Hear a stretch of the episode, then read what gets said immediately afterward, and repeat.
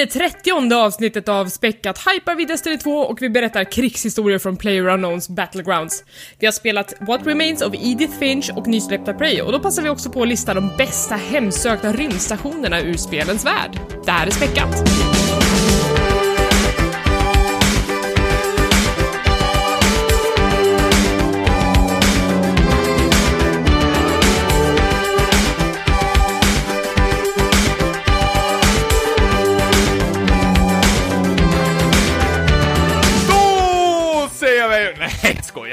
Och välkomna till Späckat, en podcast om spel och allt runt omkring. Det här är avsnitt nummer 30. Jag heter Elisabeth och med mig har jag Tommy Hej! och Niklas. Hej!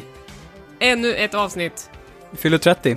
Det är Ja, det gör vi. mäktigt. Först fyllde vi ett år och nu fyller vi 30. Det går fort här i svängarna.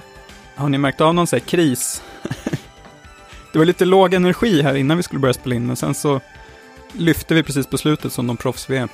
Vi har ju varit ute och rest Tommy, vi är ganska slitna. Det blir så när man reser. Ni åkte till Berlin. Ja, finns ingenting att prata om där. Det, det, det är inte så jättespännande för lyssnare. Men däremot har jag någonting sjukt att er... Alltså, jag berättade ju att jag var ju så sjukt eh, flygrädd eh, dagarna innan. Vilket liksom hakar på, vilket gör att bara gå runt och fokusera på den här flygresan liksom 24-7 hela tiden. Jag drar ner till Villastads bästa pizzeria, för jag vet att det är någonting som, jag ska göra någonting där. Så jag går ner dit, rafsar åt mig den här pizzan och sitter och äter för jag ska vänta på någonting. Jag blir mätt, nöjd och är på väg hem och har kommit halvvägs hem. Det är någon kilometer därifrån jag bor.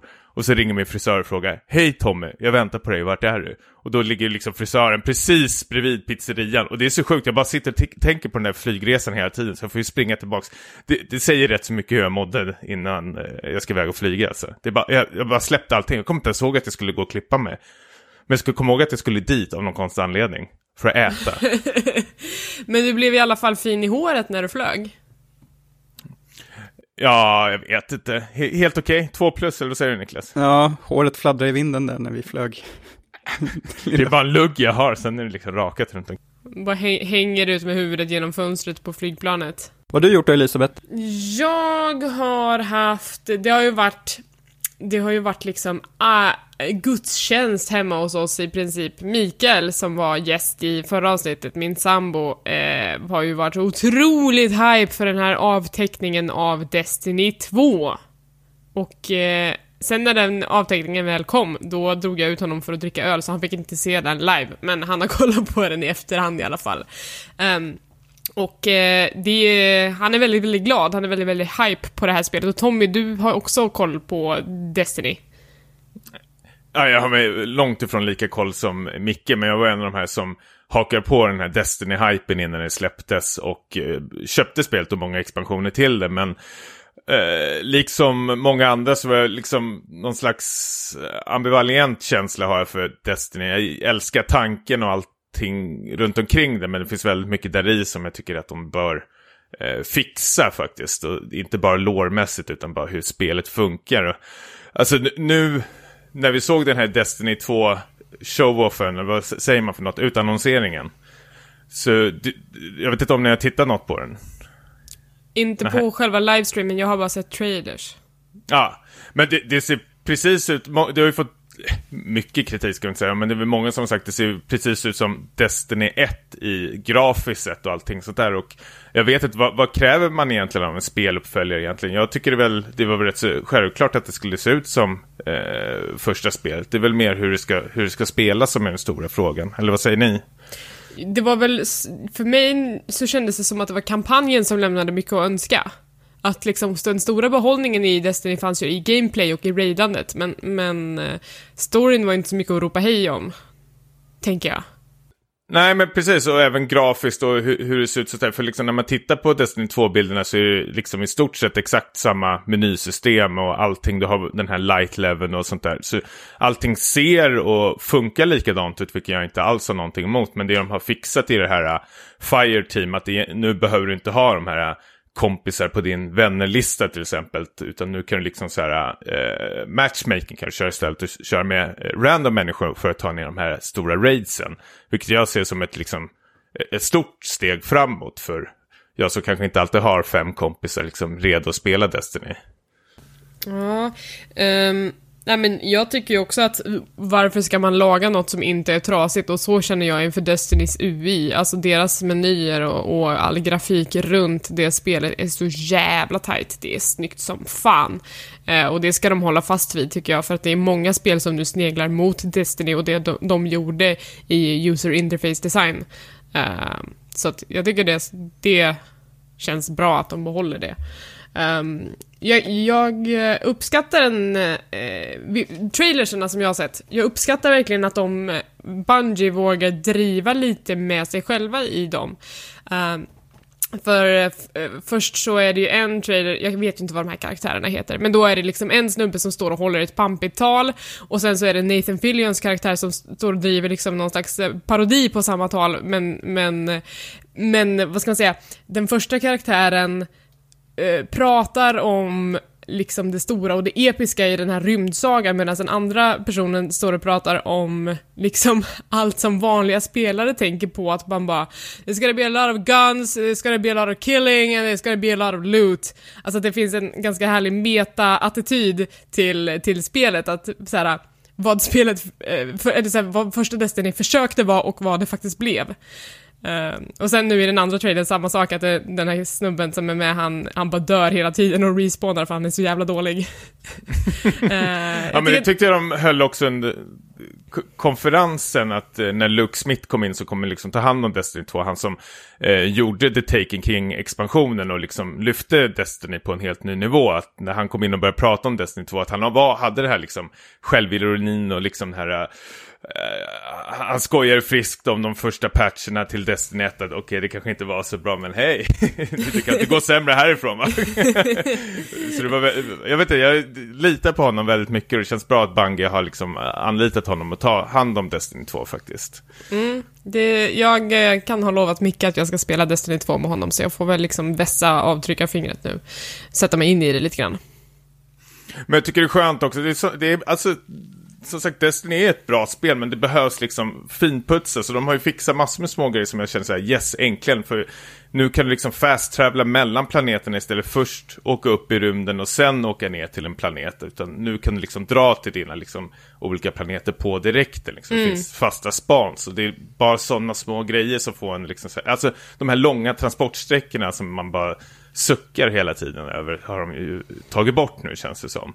Men sen är det ju liksom första spelet släpps ju med en raid och jag vet inte hur många strikes som kommer komma, kanske tre stycken eller något liknande.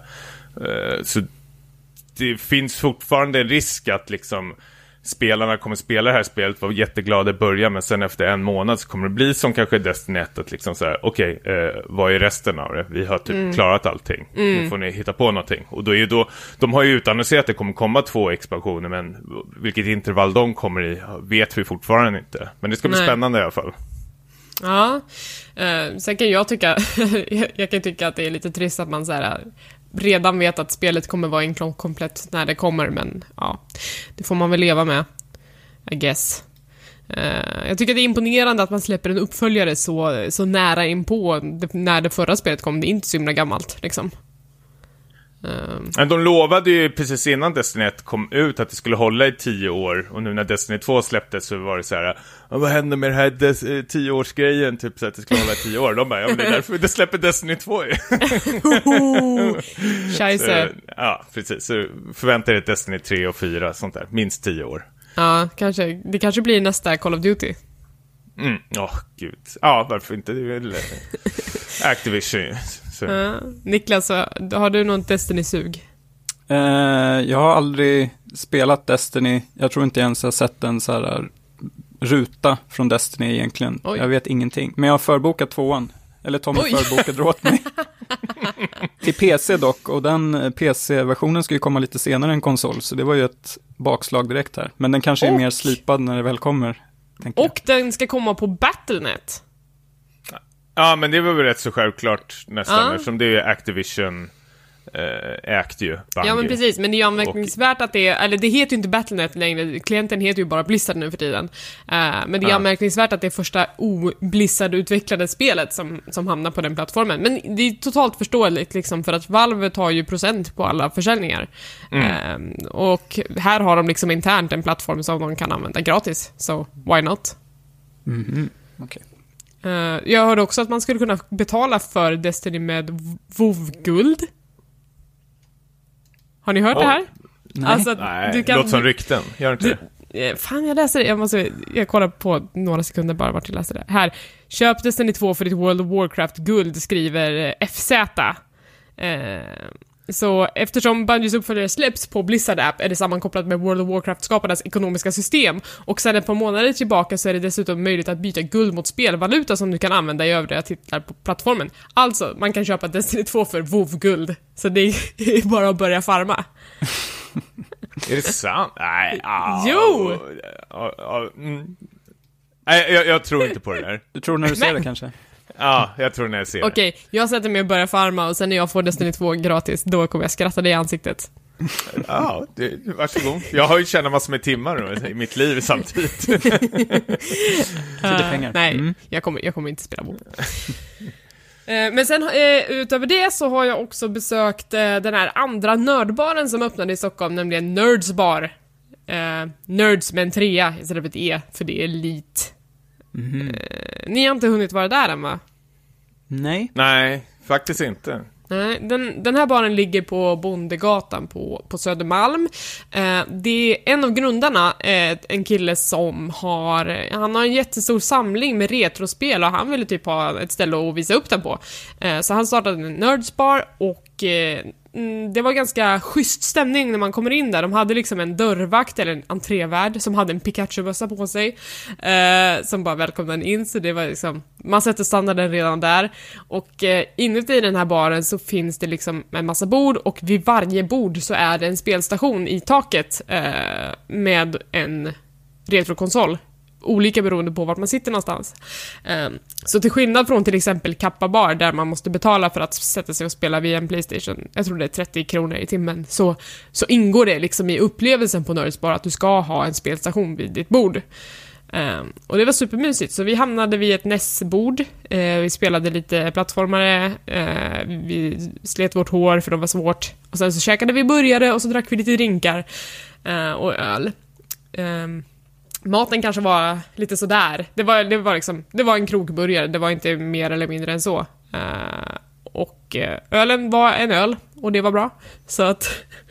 eh, det, det, det fanns två våningar också, så att det finns ganska mycket bord där. Så det var, jag tyckte att det var ett nice ställe. Om du jämför det med, med Kappa Bar då, vilken sinnesstämning ska man vara när man går till Nerds Bar? Men jag tror på Nördspar. Det känns som att det är lite mer chill, det känns som att man ska vara redo att sätta sig och spela där, att det är liksom en del av ditt restaurangbesök.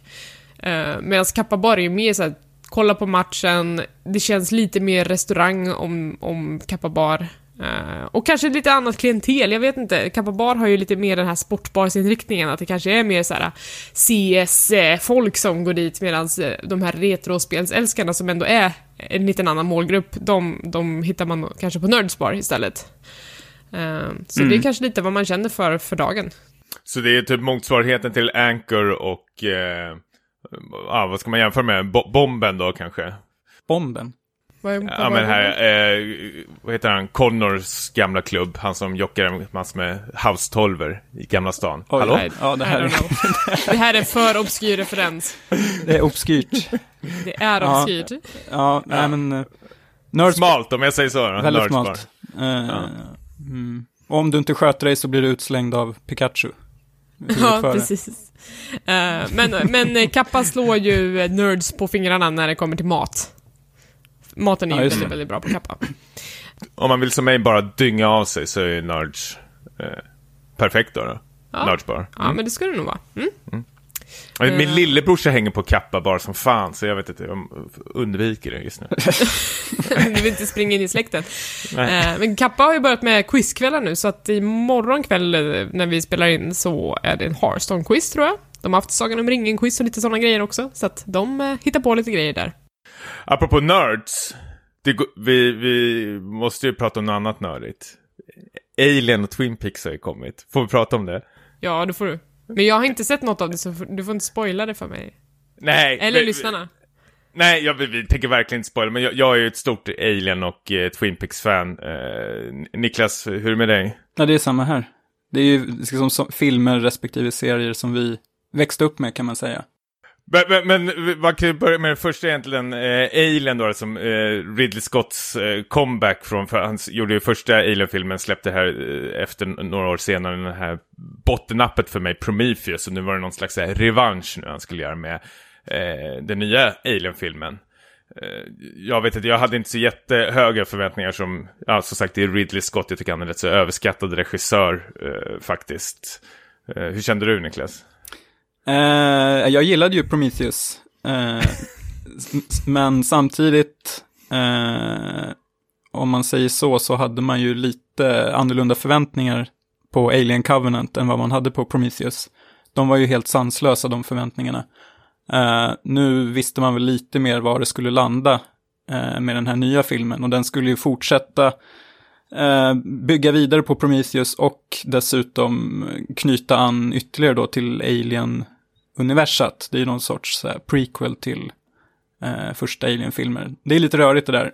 Um, men eh, jag kan säga att jag blev lite besviken på Alien Covenant.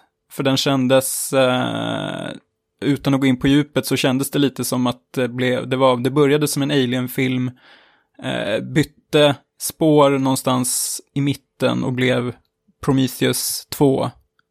Och sen mot slutet blev det en Alien-film igen. Och eh, jag vet inte, jag tyckte inte helheten var lika eh, stark som jag upplevde Prometheus. För den, jag tyckte den höll ihop bättre, även fast den brast också ganska rejält på, på sina håll. I alla fall på slutet. Eh, men vad, vad tyckte du då om, du som inte gillade Prometheus, var det här bättre eller sämre? Det är ju jämnt skägg för mig. Alltså för det första stör jag mig väldigt mycket på så här, CGI och här tycker jag verkligen inte det ser bra ut. Särskilt inte när de ska göra de här alien-monsterna i, i CGI. Jag tycker det ser väldigt eh, så orealistiskt kladdigt ut av någon konstig anledning. Eh, Det ser lite plastigt.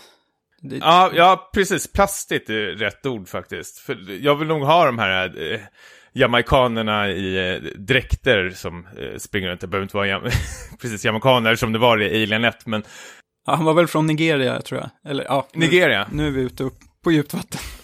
Det är en tragisk historia där, gå och kolla upp det faktiskt. Ja. Men, eh, eh, jag... Jo, men det är roligare i de gamla filmerna, för de eh, förlitar sig mer på liksom praktiska effekter och mer, så här, de är ju mer begränsade. Här öser man ju på med CGI och det, det, eh, nej, det funkar inte alls lika bra. Ja, men det känner jag också att med de gamla filmerna så har du ändå karaktärer du gillar och är intresserad av. Alltså jag, jag tycker, jag, så, det är kanske en långsökt jämförelse här, men jag drog en parallell i mitt huvud med Final Fantasy-serien som vi har pratat om innan. Att det, det är ju någonting med karaktären, att man kommer ihåg dem, man kommer ihåg deras namn, var de kommer ifrån och allting. Här känns det som det är liksom bara ett crew på 20 pers som bara dör en efter en. Det är någon slags jag vet inte, man sitter bara och räknar ner tills det är bara några kvar mot slutet. Och, och sen undrar man egentligen när man börjar tänka efter, vad är, det, vad är det för karaktärer som har dött egentligen? V- Mm. Vad hade de för roll egentligen i den här filmen? Utan man känner ju ingenting, ingen spänning eller någonting. Alien såldes ju in som, eh, vad var det, elevator pitchen, eh, it's like Jaws but in space. Det här känns ju, jag vet inte, it's like Lost World but in space eller någonting. Det är ju lite Mass Effect Andromeda med kolonisatörer som ska ut i rymden. Så är- tar ju samma avstamp. Men sen blir det väldigt olika filmer. Eller, eller spel. Eh, ja, ska vi hoppa vidare till Twin Peaks också? Ja, kärt återseende. Ja, eh, 25 år senare, som jag väntat. ja. Elisabeth avslöjade ju nu här innan inspelning att du inte gillar Twin Peaks, så jag och Tommy trillade av stolen. Jag försökte kolla på den, men jag tyckte att den, eh, den jag vet inte om jag var i, in a bad place, men jag tyckte att den ballade ur lite grann, så jag gav upp och kollade på den. Eh, Men jag kanske ger den ett försök en annan gång. Och du tyckte ändå att det var efter fyra avsnitt som den ballade ur. Du ska se om det är efter typ 20 avsnitt. Ja, eh, nej, så att jag är ju inte så himla eh, hype på just den här nyreleasen då, men eh, ja, Det är många som Mm. är det. Ja, och anledningen till varför man är tror jag är för att nu liksom David Lynch och Mark Frost har ställt väldigt höga krav. Alltså allt från åtta avsnitt har de fått liksom 18 avsnitt de ska få producera och den här gången ska liksom David Lynch få regissera alla avsnitt. Och eh, om man tittar i David Lynchs, liksom backlog så har inte han regisserat en film på eh, tio år liksom. Han har ju bara gett upp. Han, han sitter väl hemma och målar och fotograferar sig industriområden eller något liknande. Han, han har ju dragit sig tillbaka från eh, filmbranschen. Jag tror det var i Mulholland Drive där han vart förbannad när de bytte ma- magg på eh, filmen. När han skrev cut. Började skälla ut någon stackare där. Men det, men det känns otroligt, eh, jag vet inte, det, det är ju första 20 minuterna är så Äh, det, man har ju saknat David Lynch känner man på direkten. Hans, hans, det är en ton i hans både serier och filmer man känner igen nästan på direkten. Att det är så, det är lynchigt som man säger. Man kan väl säga så här att om man, om man trodde att det skulle bli mycket så här fanservice, att han skulle nu här i början ge lyssnarna, eller tittarna vad de ville ha. Alltså när det gäller kära återseenden så är det ju väldigt, eh, väldigt kryptisk inledning, även för att vara David Lynch. Det här är ju typ Mulholland Drive on crack, skulle jag tycka. Ja, det känns ju nästan så.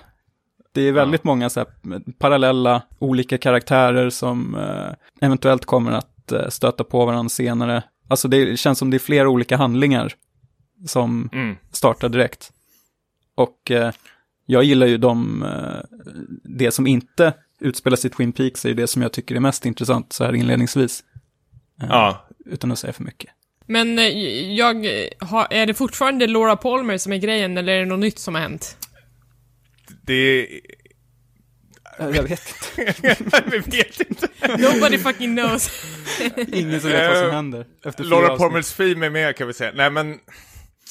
Vi, vi, vi, vi vill verkligen inte spoila. Det kanske finns folk som sitter och väntar in den här eh, serien tills den är klar. Så vi, vi säger faktiskt ingenting. Men om jag säger så här. Jag, fyra avsnitt har släppts nu när vi pratar och jag är... Det, det är annorlunda för jag såg om precis Twin Peaks 1 och 2. Och den serien är ju väldigt... Eh, eller jag skulle inte säga rapp dialog. Men det är ju rappare för att vara en lynchfilm. Men liksom den nya säsongen av Twin Peaks är Mulholland Drive, Inland Empire-dialog. Det är väldigt liksom långa pauser och så här, kryptiska eh, dialogbyten med varandra, vilket jag älskar med så här, Lynch. De pratar om någonting som är självklart för karaktärerna, men eh, tittarna sitter som ett jävla frågetecken. och det min fru hatar Twin Peaks så jävla mycket. Vi sitter och tittar på det tillsammans och hon blir bara frustrerad. Hon är, hon är en sån som säger emot eh, David Lynch, som säger gubbfan har ingen koll, ja, ifrågasätter, han har ingen koll vad han gör. Han bara slänger in massor med sjuka grejer, men han gör det bra. Alltså, återigen, det, det känns Mulholland Drive och sen blev jag väldigt mycket påmind om eh, om vi ska dra in tv-spelare här. David Lynch var ju, regisserade ju Playstation 2-reklamen eh, när Playstation 2 släpptes.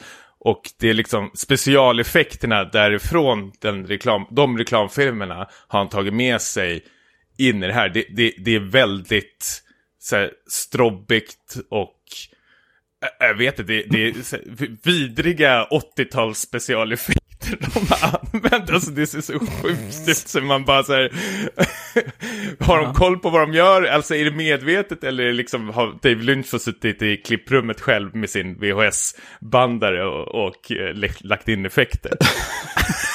Så har de inte vågat säga, säga ifrån sen. Vad är det här för något? I'm working here!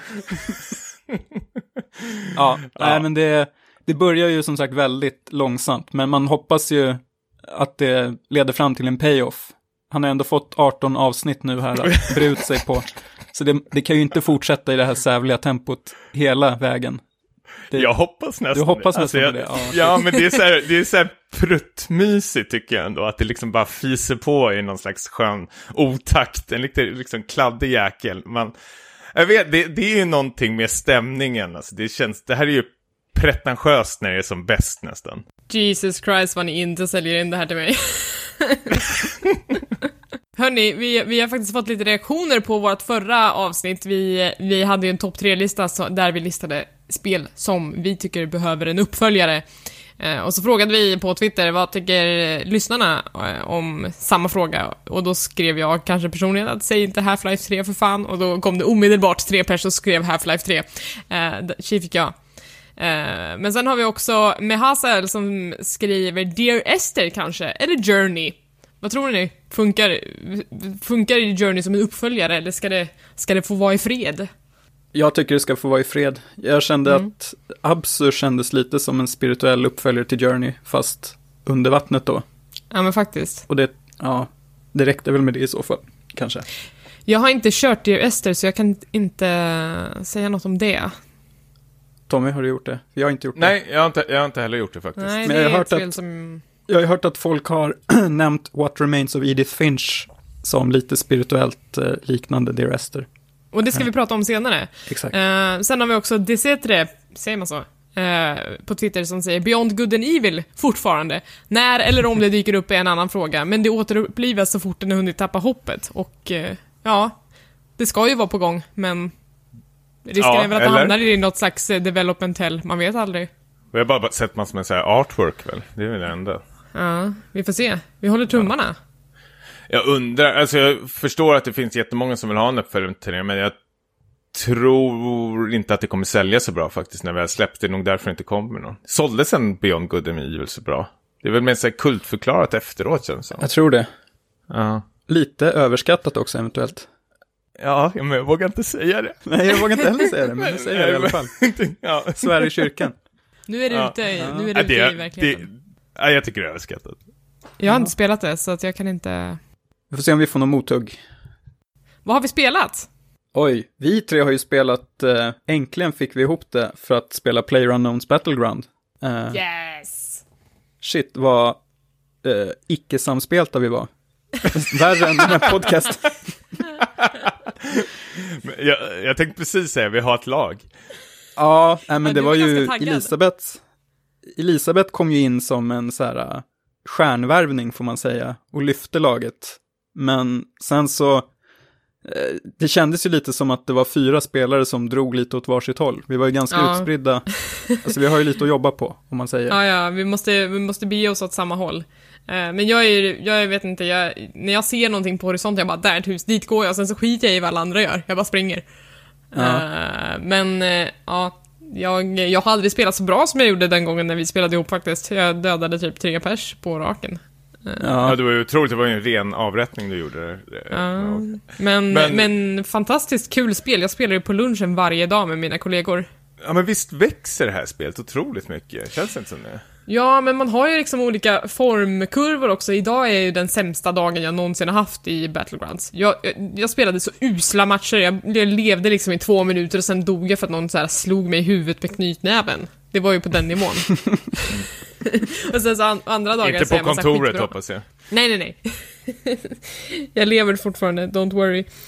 Eh, ja, men så ibland är det kul och ibland så är det bara åt helvete.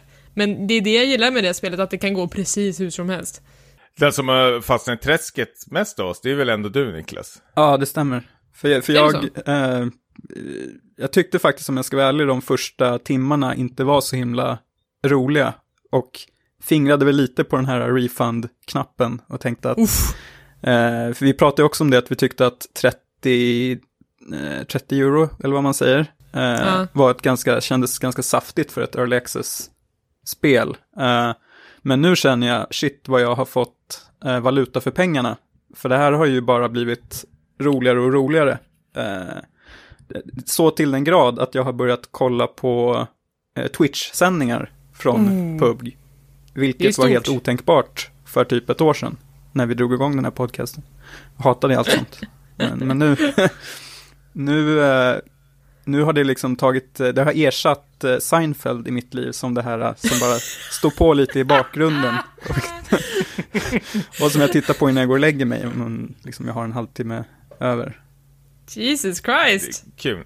Ja. Och jag- började titta på sådana här, äh, jag, jag har aldrig fattat om det är liksom sådana här riktiga e-sportsmatcher, men de har ju börjat sända från Korea. Du kan ju välja att du customiserar ditt game så är det en kamera som springer runt, eller åker runt. Och då är det en kommentator, en koreansk kommentator som pratar om matchen. Och vi pratade lite om det förut, om det skulle funka i e-sport. Och jag tyckte det var otroligt eh, kul att titta på eftersom den här eh, kommentatorn då, som sagt kunde styra kameran kunde liksom dra upp den ovanför, ovanför världen och då fick man se vad alla spelare var, hur nära de kom varandra. Så det vart ju väldigt så här, intensivt. Och sen när han såg att oj, nu kommer det hända någonting där, så gick han ner snabbt med kameran och kunde uh, åka runt med den och titta runt vad som hände. Sen flög han upp med den medan, äh, de skrek ju bara egentligen massa, men det, det känns, väl, det var väldigt skönt, eller skönt, men väldigt kul att titta på.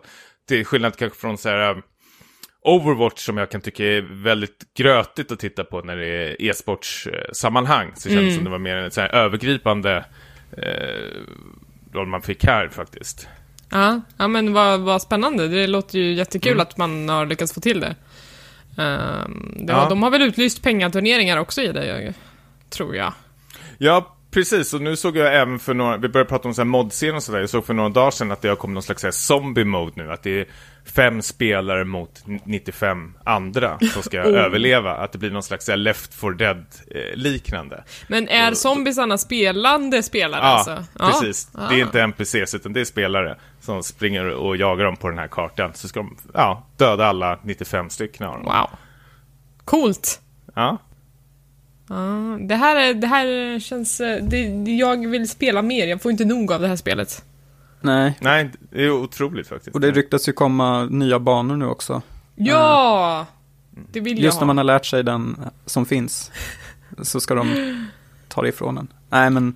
eh, Ja, men det är väl bra att uppdatera Ja, lite. det är jättebra. Det, det är kul att de verkligen lägger ner tid på det. Så det är som sagt väl, verkligen värt pengarna, än så länge. Mm. Var, eh, var landar ni helst om ni får välja? Vad heter det? Petrosk? Nej, nej, jag kommer inte ihåg. Dessa ryska namn. Ja, precis. Put, Ja, men det är väl så Pachinko. här, Nej, men jag landar väl helst vid sydost, eh, typ ovanför eh, militärbasen. Det har väl inget riktigt namn. Men där finns det alltid en bil som spanas. Sen drar jag iväg med den någonstans där planet inte åkt över. För att liksom lota i fred. Ofta står det någon där redan och skjuter ihjäl mig. Men Ja. det är tanken i alla fall. Man har ju en Mm, taktik jag- i alla fall. Jag blev tipsad om eh, den här, på den här lilla ön med militärbasen så finns det en, eh, liten, eh, en liten hamn där det står en massa containrar, en lastkaj. Om man landar ovanpå de här containrarna så ligger det loot på taken. Och det kan Mm. ofta vara så här level 2, otroligt level bra. 3 grejer. Men där är ju konkurrensen mycket högre också. Sen kan man ju ta båten där från eh, nordost och åka till den här ön som man börjar på, själva början, början av spelet. Jaha, Då finns man ju åka allting tillbaka där dit? eh, redan. Och då kan man åka dit och eh, plocka på sig. Ja, och sen åka måste prova. Men, men där gäller det, och timing är otroligt viktigt för att du måste ta båten, så måste du snabbt tillbaka när det är en minut kvar innan cirkeln kryper ihop. Och sen Just det. måste du in i bilen och bränna iväg. Så det är, eh, ja, det är en heist man gör nästan. Ja, men coolt. Jag visste inte att man kunde göra det. Jag såg att liksom, den ön ligger ju på samma karta, men jag visste inte Mm. om det var möjligt att ta sig ända ut dit. Coolt! Det öppnar sig mer och mer i det här spelet. Ja, faktiskt. Best open world? Nej. Eh, ett annat spel som jag eh, har eh, återvänt till och, och lagt ner några timmar i är ju att det är ju Thumper som har kommit till Switch. Aha. Fy Okej. fan vad bra det är. Det är ett av mina Hur- favoritspel förra året. Hur funkar det då? Ja men det funkar eh, bra, tack. Eh, nej men det är Nej, väl som... jag har hört att den här HD Rumble ska väl kännas av i switchen? jag Ja, det, jag tycker att Rumblen, alltså jag körde ju på PC så jag har ingen koll på hur det, det kör på PS4. Men för mig så tyckte jag att Rumble-funktionen verkligen adderar till det här spelet. Det känns riktigt, riktigt bra i händerna att köra det. Eh, känns lite konstigt på liten skärm, men det funkar. Eh, absolut. Eh, så det är fortfarande ett helt briljant spel och jag älskar att jag kan ta det med mig nu. Ja, och ett par feta hörlurar så är man i trans nästan. Ja men precis, det känns som att det bara finns, det, det är lite bättre respons när man har liksom handkontroll och grejer. Att, för att timing är så otroligt viktigt. Ehm, ja, det är grymt. Vilket spel.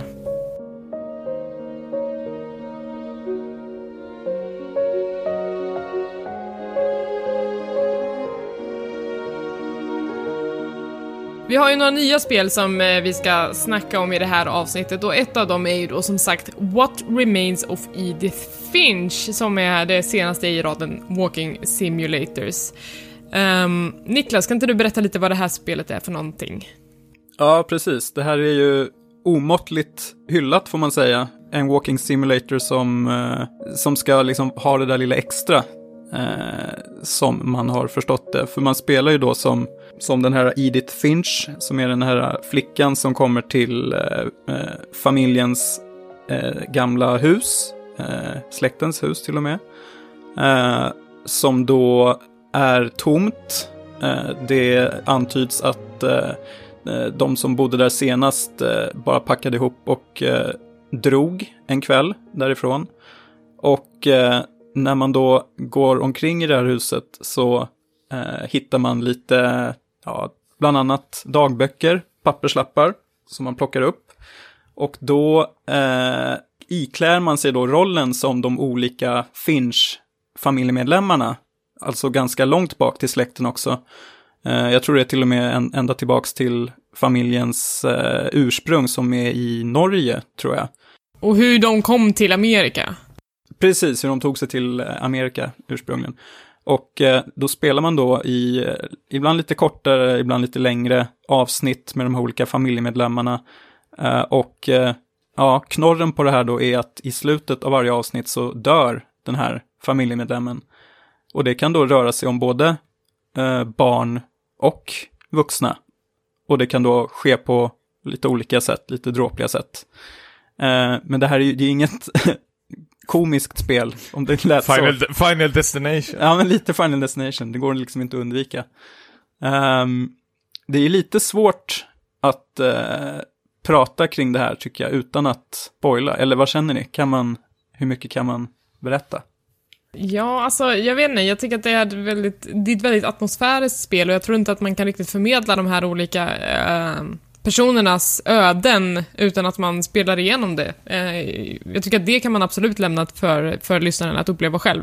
Eh, men jag tycker att det är fint i hur så här, eh, det här huset är väldigt så här igenspikat och avgränsat så att du måste liksom ta dig in i rum på, på lite mer okonventionella sätt. Och när man ser hur det här huset är uppbyggt och med alla hemliga lönndörrar och, och, och små gångar och så här, man blir helt Alltså, jag, det är väldigt stimulerande för kreativiteten, eller vad man ska säga. Man det är en väldigt häftig miljö att röra sig i. Eh, och alla de här familjemedlemmarnas rum har ju liksom stått orörda av tiden och det känns som tittskåp, att man tittar in i liksom olika tidsepoker så att väldigt, varje rum är väldigt karaktäristiskt för just den personen. Um, så jag tycker att det är väldigt visuellt häftigt. Uh, vi har väl alla spelat det här spelet, Tommy, du också? Ja, herregud. Uh, verkligen. Jag, jag, älskar ju... Eh, vad ska man säga? Eh, nu glömmer jag bort vad det heter, det hyllade Walking Simulator-spelet. Gone Home, precis. Det var då jag liksom började uppskatta den här genren och, och sukta efter mer. Men samtidigt är det ju en väldigt svår genre att Eh, som spelutvecklare tror jag att göra bra. Alltså för, för egentligen vad har du för verktyg? Du, du liksom springer runt på ett ställe och ska titta på saker och lyssna egentligen. Det är ju väldigt svårt att få spelaren liksom engagerad i storyn, även fast det gäller två, tre timmar. Det måste hända någonting. Och det, det jag gillar med det här spelet, att det, lyckas, det har en bra eh, pacing i spelet. Att det händer alltid något nytt hela tiden. Att du får följa ett nytt liksom, familjeöde var nu tar jag väl i, tänkte tionde minut, men det händer i alla fall väldigt tätt inpå varandra. Plus att, som du säger Elisabeth, att det har det här själva huset eh, som man utforskar och det känns väldigt kul och finurligt. Men det jag tycker spelet nästan gör bäst är vad spel gör sämst, eller har väldigt svårt, och det gäller ju film också, men det är liksom hantera eh, döden utan att det blir liksom för plumpt eller liksom för krystat. Eh, och det finns ju både bra och lite sämre eh, dödsolyckor i det här spelet. Men jag tycker i stora helheten så gör de det väldigt snyggt och bra och ibland väldigt, väldigt vackert faktiskt. Eh, som jag inte har sett tidigare i spel. Mm, ja, och det lämnas ju lite eh, öppet för tolkning ibland hur, när liksom själva dödsfallet inträffar.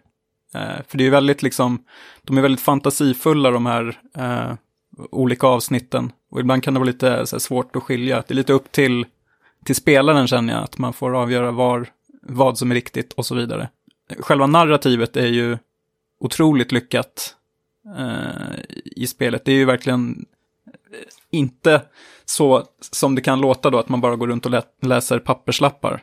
Utan de har ju verkligen ansträngt sig för att eh, man ska få även interagera med diverse delar genom att kanske dra i spakar och snurra på saker och så vidare. Så att det, Det känns väldigt, eh, vad säger man, väl implementerat i, i spelet. Ja, alltså de, de har ju lyckats med att jag, jag som kanske tycker att det Gone Home var lite, lite segt. Här lyckas de ju hålla mitt intresse i totalt två timmar och jag är liksom på spänn hela tiden. Jag är väldigt nyfiken på vad kom, som kommer hända härnäst. Ja, jag vet inte, jag hade en... Jag var väldigt imponerad av kanske speciellt två stycken scener. En som innefattar ett badkar och en som innefattar eh, um, lite... Man, man styr två olika saker med olika styrspakar. Ja, Ja, Eh, de tyckte ja, jag var absolut bäst. Jag håller med dig. Det var mina favoriter också. Mm. Det, de eh, lyfte verkligen hela spelet. Eh, Ja. så att, Ä- så- Även fast den var, med badkaret var rätt så uppenbar var den skulle ta vägen så kände jag ändå att de gjorde något väldigt, nu är det hemskt att säga kul utav det, men det, det Ja. var väldigt så här, audiovisuell upplevelse av det tycker Mm. jag faktiskt, som var väldigt snyggt och tufft. ja. Soundtracket, bra. Väldigt bra. Av en rätt etablerad kompositör också. Han har gjort eh, Jeff Russo som har gjort soundtracken till eh, tv-serierna Fargo och The Night of, bland annat. Ah. Eh, så det är ganska kredit. Eh, Ja, det är verkligen kredit. Ja. Eh, Spelade ni den här uh, The Unfinished Swan som var den här studions förra spel? Också ganska Nej. hyllat. Jag, har Jag inte gjorde spelat Eh, vilket är vassast av de här två? Eh, Jag tyckte Unfinished One var inte så jättebra faktiskt. Aha. Jag var rätt så besviken när jag eh, hade avslutat det spelet. Det- är helt okej spel. Men eh, om jag säger så här, det, det växte ju eh, just det spelet efter man hade spelat det här, eh, utan att säga för mycket. Okej. Eh, Det finns en Finns rätt koppling? tydlig kop Ja, rätt så tydlig koppling. det. Jaha, ja. Nu blir jag Så man har- intresserad. Om man spelar Unfinished One och spelar det här så kan man kanske förstå lite mer om vissa karaktärer. Oj. Mhm. I'm intrigued. Det här visste jag inte om. Mycket bra. Mm. Ja, nej men eh, jag rekommenderar det här spelet varmt. Jag liksom gick runt till alla mina eh, spelgrupper och bara Det här är ett jättebra Walking Simulator-spel, spela det. Eh, Mm. Så att det, är, det är en omedelbar favorit i genren för min del. Skulle ni vilja ha fler Walking Simulator-spel? Får ni mer sug efter det här eller känner man rätt så mätt? Även fast det är två timmars spel. Alltså när de görs så här bra så vill jag ju såklart ha mer. Eh, Ja, jag håller med. Men eh, det är ju ganska sällan som de är så pass smart gjorda som eh, Edith Finch. Ja, vad, vad tycker du Tommy? Jag, jag, jag tror jag kan bara dra en ur röven här om ni vill. Ja, gör det. Ja, Gör det. om man får inte... vad, vad säger ni om What Remains of Konami? Och får man Alltså, promenera att genom ett- deras ett- kontor? Precis. Jag, jag kom på att, så här, att man kanske ska ha de sista dagarna i eh, Konamis kontor som är så här helt eh, ödelagt eller någonting. Och man märker, man kan läsa massor med folks dagböcker och se folk liksom har tagit vägen, kanske folk blir deprimerade och blivit avskedade. Men genom hela spelet så hör man ett, ett ljud. Så här. Man känner igen det här ljudet men man vet inte riktigt vad det är för någonting. Och det blir bara liksom tydligare och tydligare här ljudet desto längre in i spelet man kommer. Det är plingljud eller något liknande. Sen mot slutet av spelet så öppnar man en dörr. Och så kommer man in i en Pachinko. och så blir det bara svart. Och Vad, vad tror ni? Jag vill Ja. ha med, jag vill ha Kojimas gamla eh, kontor, jag vill ha det liksom förseglat med brädor spikade ovanpå dörren. Ja. Eh, här får Alltså, ingen gå in. Det hade varit någonting, tror ni inte det? Ah. Men är det, är det too soon eller måste vi vänta tills Konami har dött? Nej, fan kör på. Kör nu. Jag tänker säga, spelet kanske öppnar till och med att man spelar en anställd så märker man att det kommer in sådana här Securitas-snubbar som sätter upp kameror på väggen. Ja. Någonting sådär, för de börjar ju sätta upp massor med övervakningskameror på kontoret på Konami. så, ja, så det är så det börjar. Sen två veckor senare kommer in en text. Så, ja, Wow. starkt. 10 av 10 skulle spela. Skulle verkligen Ja. spela det här. ja.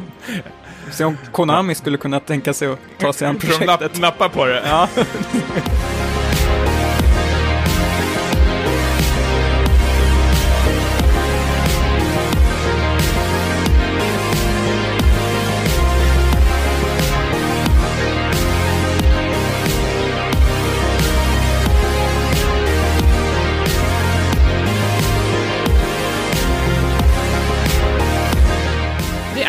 Andra stora spelet som vi har spelat den här sen, de här senaste veckorna är nysläppta Prey, som är ett, eh, eh, ett alster ifrån Arcane Studios med Bethesda som utgivare. Och det här är ju ett spel som, som har en förlaga som, som kom ut 2006 som också heter Prey.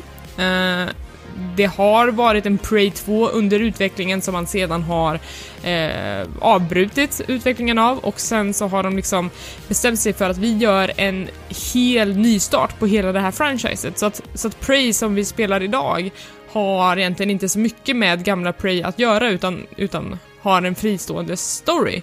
Eh, och du har spelat Niklas och jag har spelat. Tommy har inte spelat. Men han är nyfiken. Jag är väldigt nyfiken. Uff, jag vill spela. Härligt. Um, om man ska förklara lite kort vad, eh, vad det här spelet handlar om så eh, utspelar sig det här i en eh, alternativ framtid där uh, Kennedy har överlevt eh, det här mordförsöket på honom. Och hans politik har då lett till att den här utvecklingen för att ta sig ut i rymden har accelererat. och nu har vi någon slags liksom retrofuturistisk framtid där vi, där vi har, faktiskt har kommit ut i rymden och, och bedriver någon slags forskning där, människor. Eh, och man spelar som karaktären Morgan, som kan vara en kvinna eller en man, eh, som vaknar upp i sin lägenhet och eh, gör sig redo för att avsluta sin utbildning för att ta sig ut till den här rymdstationen Talos 1. Eh, men man upptäcker väl ganska snart att det är något som inte riktigt står rätt till i den här miljön. Det känns lite det händer lite måndag hela veckan-grejer. Eh, alltså, det visar sig att, eh, att Morgan kanske inte alls är på väg till, att, till den här utbildningen för att sedan ge sig ut i rymden, utan hon är faktiskt redan där. Eh, men det har hänt saker på den här rymdstationen som har liksom tvingat henne att gå tillbaka till ett gammalt minne, men snart visar det sig att det är något som har gått väldigt, väldigt fel på den här rymdstationen och hon måste ta tag i det här problemet.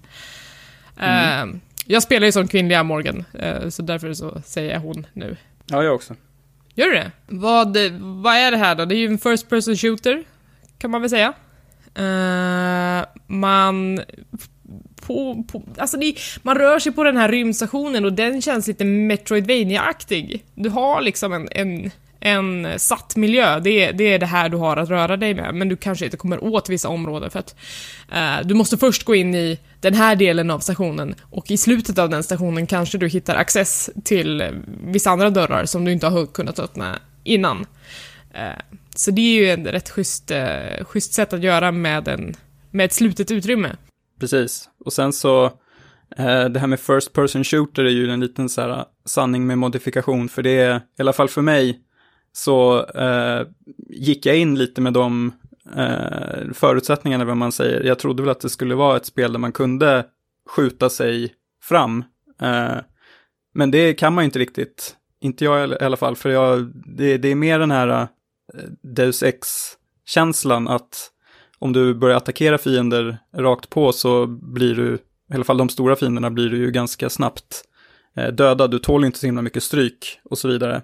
Utan det är mer eh, mer av en sån här stealth first person shooter kanske. Med, med sådana inslag där du kan eh, välja att eh, forska på vissa förmågor. Eh, så att du kan, till exempel kan lyfta eh, tunga saker och kanske då hitta en eh, ventilationstrumma och ta dig fram där. Så det handlar ju också lite om att hitta eh, olika vägar att ta sig fram i spelet.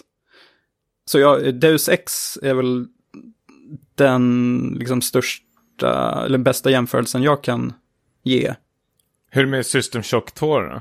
Som jag har hört folk har typ sagt att det är någon, känns som någon slags, spirit, inte spirituell uppföljare, men en uppföljare om folk har längtat efter. Jag har, jag har inte spelat System Shock-serien än, jag kommer ju behöva göra det förr eller senare eftersom jag jobbar med, med den eh, nya uppföljaren, men eh, jag har ingen koll faktiskt. Nej, men det, jag har ju bara spelat det som allra hastigast och det var ju otroligt länge sedan som det kom eh, System Shock. Men det är visst... Eh, ja, men det var ju som, som, du säger att det var väldigt svårt att ta sig igenom fienden och det, man inte ska attackera ja. på direkten utan tänka till lite. Exakt.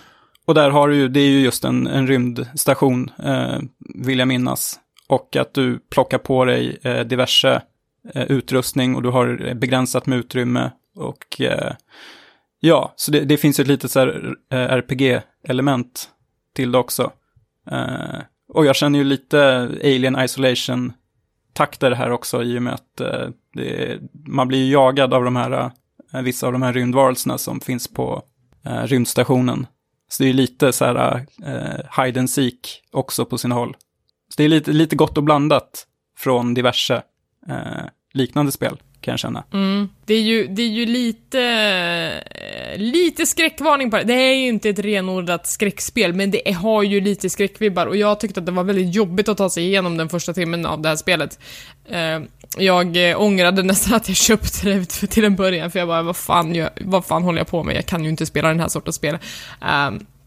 För det, det, är vissa, vissa av fienderna som kan liksom eh, maskera sig som objekt i rummet och sen när du kommer nära så hoppar de på dig och det är väldigt eh, höga ljudeffekter som, som används som en effekt för jump scares och, och sådana saker. Så att jag har faktiskt fått eh, dra ner volymen på alla ljudeffekter för att jag ens ska kunna spela det här spelet och eh, liksom behålla förståndet. Mm. Um, så att, ja, första timmen blev väldigt långsam för mig och jag tror att jag fortfarande spelar väldigt långsamt för jag verkligen smyger mig fram och har, och har dödsångest i den här rymdstationen. Uh, men, men jag tycker ja. ändå att det är ganska kul. Jag vill ju liksom fortsätta bygga på mina förmågor och jag försöker ha en approach som är skjut först och fråga sen snarare än att, än att smyga mig runt. Uh, så att, uh, ja, det känns som att det finns mycket valfriheter på hur man ska ta sig an det här. Eh, de här olika ja, banorna. Jag, blev ju, jag var ju lite, jag var lite irriterad inledningsvis, får jag erkänna, eftersom jag liksom kanske då spelade lite på fel sätt. Och de här äh, mimic-monstren äh, då som du äh, nämner, det, när de liksom äh, förvandlar sig och äh, synliggör sig så händer det ofta att de liksom dök upp bakom mig. Så att det kändes lite som i Doom 3 när det spånar fiender här och där och man vet inte riktigt vart de är någonstans. Det känns nästan som att de så här, teleporterar sig lite fram och tillbaka. Så det blir väldigt så här kaotiska strider. Eh, men då får man ju också, sen drog jag ju ner lite på, på mitt tempo och försökte spela lite mer så här metodiskt och försiktigt och då gick det ju bättre. Så det är ju inte ett spel som kanske håller, håller en i handen med någon så här väldigt lång tutorial. Nej, verkligen direkt. inte. Verkligen inte. Så det känns ju som ett de har gjort ett lite medvetet, eh, skruvat upp svårighetsgraden jämfört med många andra sådana här spel. Och jag har väl upplevt att många är lite frustrerade på sina håll av det. Men eh, jag tycker att nu börjar det liksom, nu börjar saker och ting falla på sin plats. Ja, eller det är ju snarare att man själv lär sig eh, hur det funkar och, och jag gillar det att, att eh, att Arcane litar på att spelaren kan lära sig att, att hitta sin egen väg fram själv. Och det har man ju, först så var jag, var jag vid ett ställe där jag kände bara, jag vet fan inte hur jag kommer förbi det här. Och sen så löste jag det på egen hand och då kändes det bra att jag inte hade behövt gå till internet liksom och försöka få hjälp. Uh, ja, jag tycker, jag tycker att det är kul ändå, men det är, det är emotionellt jobbigt ändå till viss del. Men du som har spelat eh, Dishonored-spelen, som Arcane är mest kända för, hur, eh, hur mycket hakar de i varandra? Jämfört med liksom Prey? Är det helt olika typer av spel eller? Jag tycker inte att de är superlika varandra. Jag tror att folk som spelar Dishonored kommer tycka om, jag kommer tycka om Prey, men jag tror inte att det är nödvändigtvis samma spel. Man kan se vissa likheter i kanske UI och, och, och artwork och, och sådana saker, men, men eh, och det är ju också hela den här grejen med att man kanske väljer hur man tar sig an olika quests så att det får konsekvenser senare i spelet. Eh, det kan man nog känna igen från Dishonored och det är absolut inte en dålig grej utan det är ju det som, som gör det spelet kul, att du verkligen kan ta dig an saker på ditt sätt. Eh, och att då, det då finns en, en anledning att spela om spelet och se om jag hade gjort det här annorlunda, hur hade det sett ut, eh, sett ut då? Men, men i övrigt tycker jag inte att de har jättemycket gemensamt. Som sagt, Deus Ex kanske är en bättre jämförelse rent spelmekaniskt. Sen, sen så är det ju också så att de befinner sig, eller spelaren befinner sig på en forskningsstation och det kanske, eh, det kanske är helt rimligt då att alla de här vapnen som man får tillgång till är så sjukt gimmickartade. De, de är så himla konstiga, man bara vad ska jag med det här till? Det här hjälper mig inte alls, känns det som, ibland när man hittar en ny grej.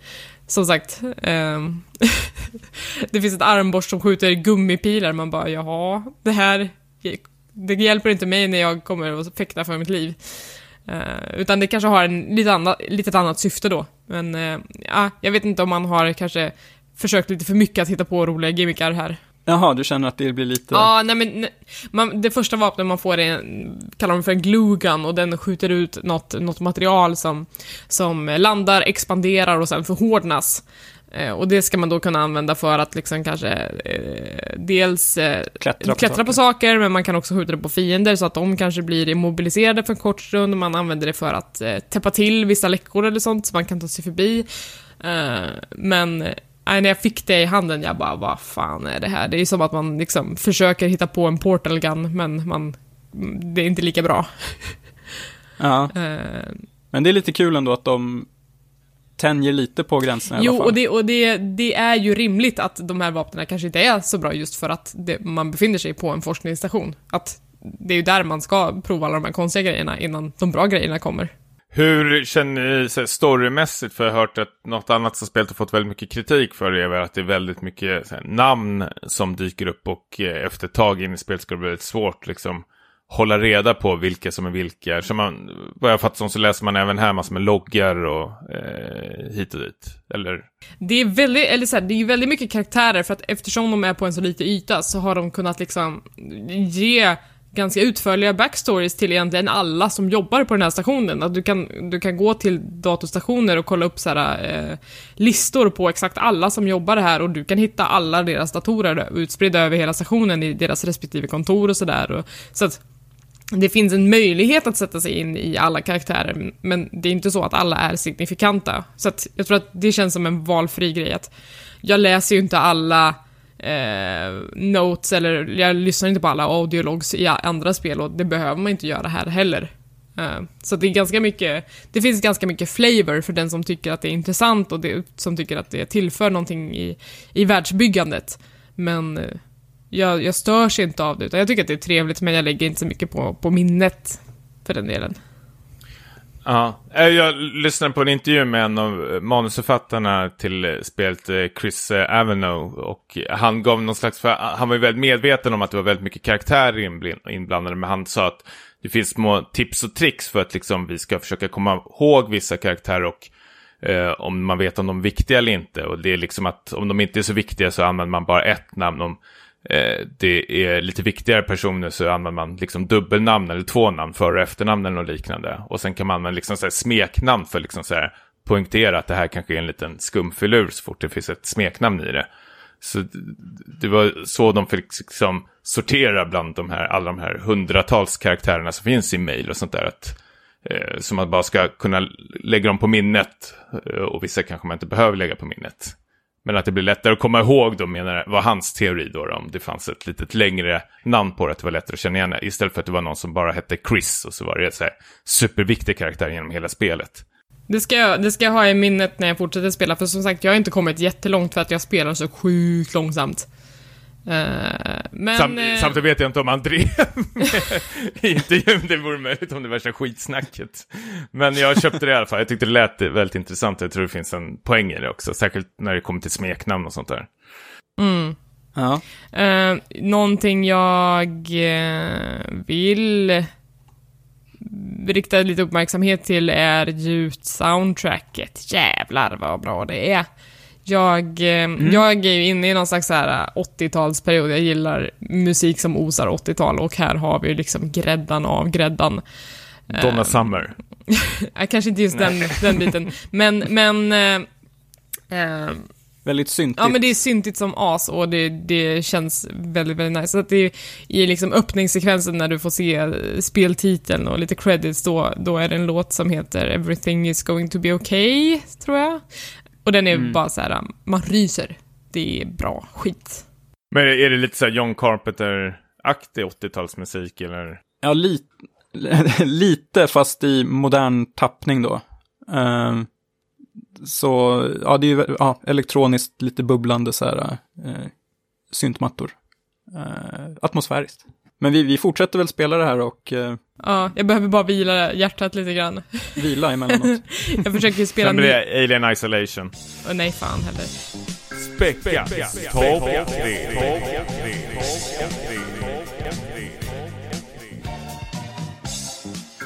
Och apropå Prey så har vi också en topp 3-lista den här veckan. Yes man. Ja, jag föreslog att vi skulle ha eh, lista de bästa rymdstationerna, de bästa hemsökta rymdstationerna i spel som vi har spelat. Niklas, vill du börja? Ja, eh, apropå Alien då, eh, ytterligare en prequel till den var ju Alien Isolation, alltså till filmen då, där man då spelar som hon eh, Ripleys dotter Amanda som eh, letar efter eh, mamman då, efter första filmen. Så den eh, knyter ju an lite till mytologin på ett eh, rätt bra sätt. Eh, och det man gör då, det är att man, ha, man har fått en ledtråd eh, eh som pekar på en rymdstation som heter Sevastopol Station. Och eh, dit åker man. Och den är ju väldigt, eh, om man säger, influerad av eh, den första Alien-filmen. Eh, så att det, ja, det är en hommage kan man säga. Och det är väl det som jag tycker är eh, rätt, rätt kul, att man har, eh, man har nästan plockat eh, interiören från eh, Nostromo då i första Alien-filmen och eh, liksom klistrat in den här i eh, Sevastopol. Och så, såklart så är det ju då en alien som eh, smyger omkring i eh, de här eh, korridorerna och i eh, ventilationsschakten. Så det är ju eh, otroligt spännande. Lite av en vattendelare tror jag, eh, spelet. Tommy har väl inte riktigt gjort vågen. Nej, jag avskyr det. Ja. Ja, jag, jag, jag förstår varför folk gillar spelet. Det, det, det har, har jag ingenting emot eller säger inte emot. Men jag tycker bara hur spelet spelas tycker jag är väldigt trist. Jag, jag tycker inte om sådana här äh, gömma sig i förråd och, och sånt där. Man ska sitta och trycka. Men jag tycker det är väldigt bra stämning i spelet. Det väldigt läskigt faktiskt. Det håller jag verkligen med om. Men det är det här äh, sitta och ligga under sängen och vänta på den här dumma AIn gå fram och tillbaks och sen försvinna. och sen. Men skulle inte det här komma till VR? Jaha. Jag har för mig att jag läst eh, något om det, att eh, det var i alla fall önskvärt. Ja, det är det säkert. Ja, men jag tror inte att det är liksom spikat. Men att det, det borde de ju absolut tänka på om de ska göra en uppföljare. Att eh, det, här, det här skulle jag jättegärna spela i VR. Skulle i du? Ja, jag tror jag skulle våga. Men Jag skulle inte våga. Jag har ju typ suttit bredvid när folk spelar Alien Isolation och jag blir ju rädd bara av det. ja. Nej, men det är ju väldigt intensivt. Ja, men det, det är ett helt okej spel. Det är ju just bara, det, jag gillar bara inte hur det spelas. Jag tycker nästan det är roligare att titta på när folk spelar än när jag sitter och spelar det själv. Så jag tycker det är väl en svag tredje akt här för mig också. Tommy, vad har du för någonting? Ja, jag har tänkt så det knakar nästan känns som. Det, du, väldigt svårt det här tyckte jag. Men jag måste nog säga på, på grund av liksom mer hur, hur jag spelade, hur jag fick tag i det här spelet. Jag hade ingen aning alls om det eller hur det skulle spelas. Men det måste bli eh, Dead Space då, första spelet. Men då är det också det här att du är den här rymdingenjören eh, Isaac som landar på den här eh, eh, rymdstationen. Och som, eh, vad är det han ska göra? Han ska leta efter sin fru, är det. Som han får någon slags här, kryptisk meddelande. Och när man landar så märker man ju på direkten att det är någonting som har hänt. Och det, det är ju samma sak här, det, det har någon slags alien-nerv i sig och eh, jag gillar det här. Det, det är ju ett tredjepersonsspel och jag tyckte det var väldigt liksom, spännande och läskigt. Det är någon skillnad, det är någon liksom, hybrid mellan Alien och eh, The Thing skulle jag faktiskt vilja eh, säga. Mest hur liksom, de här monstren eh, uppenbarar sig. Eller Event Horizon också. Ja, ja men precis. Och det, det är ju väldigt slafsigt och blodigt och det är sånt där man liksom, eh, vill jag minnas i alla fall, man liksom kröp nästan längs fram korridorerna för det var ju monster, det kändes lite som att monstren kunde dyka upp lite var som helst från taket och från så här ventiler på, från väggarna och allting sånt där och greppa tag i en. Så Exakt. det, jag, jag tyckte det var otroligt bra. Sen har ju det här spelet eh, en av världens bästa eh, Easter egg också. Ja, jag vet vilket du menar. Chapter-grejerna. Ja, Nej, nu får ni precis. berätta, det är ju så gammalt spel. Ja, nej men grejen är att man, man letar ju efter sin eh, fru, eh, får mig- Nicole heter hon. Och eh, uppdragen är väl eh, uppdelade i chapter, så om man tittar i sin chapter list och läser de första bokstaven i varje chapter, det är ju sådana här namn de har, så bildar det ordet Nicole is dead. Så det är, det är lite gåshud på det faktiskt. Ja, det är en liten jump scare i slutet av spelet vill jag minnas. Ja. Eh, Där Nicole är involverad. Ja, men du, jag håller med. Ja, jag tyckte även tvåan var väldigt bra faktiskt. Jag tyckte det höll, eh, väldigt bra också. F- fanns någon slags vidrig sån här ögonoperation-scen där, har jag för mig, som var väldigt vidrig. Elisabeth, du då? Mm, jag har en, en rymdstation som är på en planet i rymden, men jag tänker att det fortfarande är en rymdstation för att det, det har den känslan. Eh, och sen så vet jag att jag har sagt att jag inte ska säga Mass Effect på de här listorna längre, men nu gör jag det. Eh, Jag tänkte, finns det någon Persona, rymdstation bara, i Persona 5? ja, det gör det gör det ju. Det gör det ju! Revidera listan! Du skulle ha tagit den. You snooze, you lose. Eh, nej, så jag, eh, det blir en Mass Effect-referens till, och det här är ett DLC till Mass Effect 2 som heter eh, Overlord. Um, det är en, det är nämligen så att Illusive Man kontaktar Shepard någon gång under Shepards resor och säger att vi har ett problem på en av våra forskningsstationer.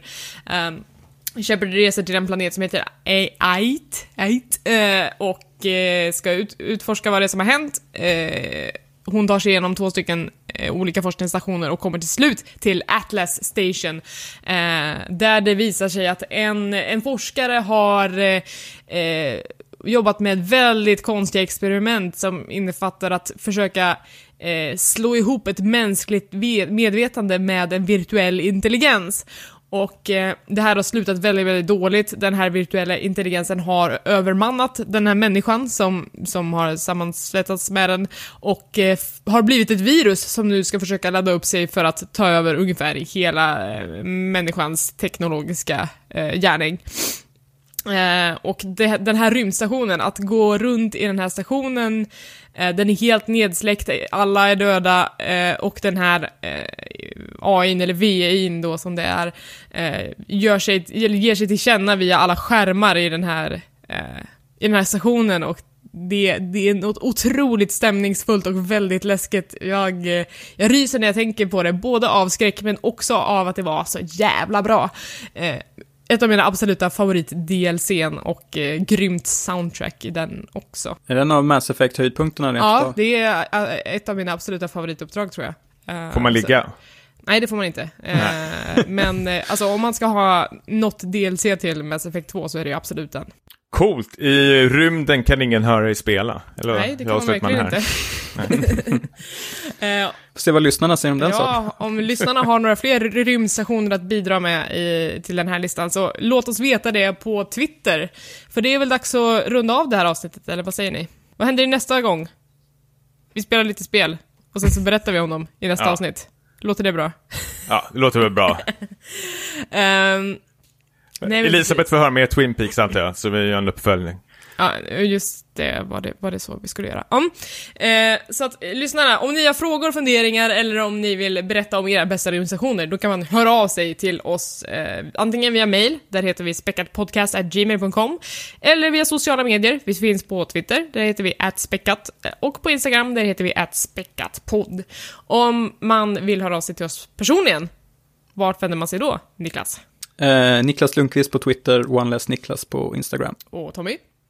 Ja, eh, Tommy understreck Jansson på Twitter där twittar just nu om Chromatics och Arwa Simons inhopp i Twin Peaks. Och på eh, Instagram, eh, eh, hörde jag Usch här? Nej, det var ett uff, som är nice. Ja, Instagram så tar väl kort på svarta kaffekoppar och eh, med kaffe i, såklart. Twin Peaks Ja, quotes. precis. På Stimpas, Elisabeth. Jag finns på Twitter, där heter jag @hangryeli. Jag twittrar just nu om alla coola skins i Overwatchs anniversary event. Eh, och jag finns på Instagram, där heter jag @hangryspice. Jag har ett starkt selfie-game den här veckan. Glöm inte att recensera oss på iTunes om ni tycker att det här är en bra podcast. Eller lägg en stjärna i alla fall. Ja. Då blir vi glada. Mm. Ja, typ så. Några sista ord? Tack för att ni lyssnar. Tack. Tack.